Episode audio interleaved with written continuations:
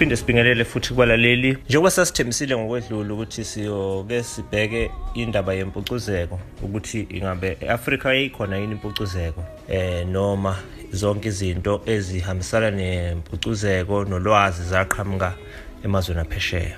Eh Afrika ibiphucuzekile iminyaka. Ubufakazi obutholakalayo buveza ukuthi izwekazi lase-Afrika lalinabantu ababefundile abantu ababephucuzekile futhi kwakuyizwe elalidume ngokuba nomcebo. Ngokwesibonelo nje uma ubheka ama-pyramids nakuba adumile kakhulu kuwawasegibhithe e-egypt kodwa khona nase-sudan.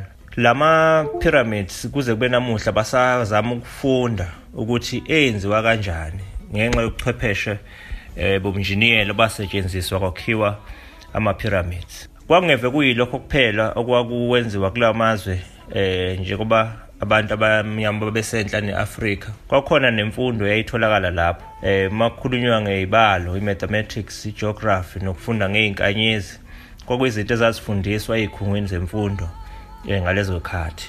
Uma uza nganeno neminyaka yawo 1300 uya emali nakhona kwakune university eyinkulu lapho eTimbuktu iy'vakashi zayiqhamuka emazweni aphesheya zafika lapho zaphawula ukuthi kuyindawo eyayiphucuzeke kakhulu. Kukhona abahluleli amajaji nodokotela njalo njalo. Eh kubhalwa ney'ncwadi kwakubhalwa futhi kufundiswa nalapho izinto ey'ningi. eNigeria nakhona kokukhona ikhungo zemfundo ephakeme eKatsina eminyakeni ngaba u-800 edlule. So ke izinga lempucuzeko lalikhona nolwazi lwalukhona. Eh uma uya eTanzania ngokwesibonelo eminyakeni ngaba u2000 edlule kwabakha i-carbon steel beyincibeka lesinsimbi ngendlela ethile. Ikhona indlela yokwenza i-steel indlela ehlukahlukene kodwa i-carbon steel baze bayithola kamuva emazweni ase-Europe ukuthi yenziwa kanjani kodwa yayisenziwa kudala ngeminyaka ngaba u2000 edlule eTanzania. Kwakuhetshelwana ke namazwe aphesheya eh ngokwesibonelo nje izinto ezitholakele makwenziwa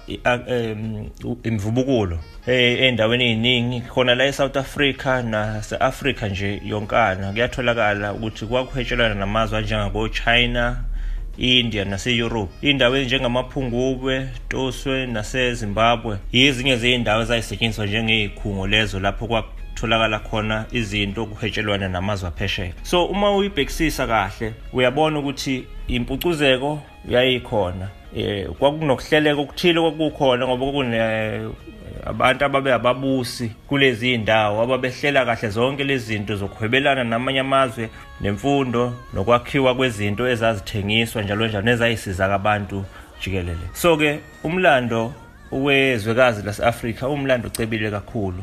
Esingase singawugoqi wonke ngesikhathi esifushane kodwa oyodinga isikhathi ukuthi ke sikwazi ukuthi silosi xoxa siwuputshuza kancane kancane. Mhlawumbe ngokuzayo kwesesingabheka ukufuduka ke kusuka kwabantu beqhamuka enhla nezwe eh behla abanye beze befika la sikubiza ngoluse South Africa nakwamanye amazwe ukuthi ke kwahamba kanjani.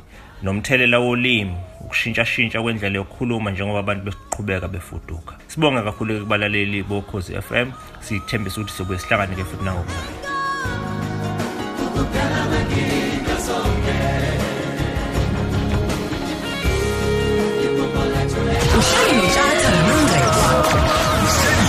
notshatha nongqele ukhozi FM luhamba phambili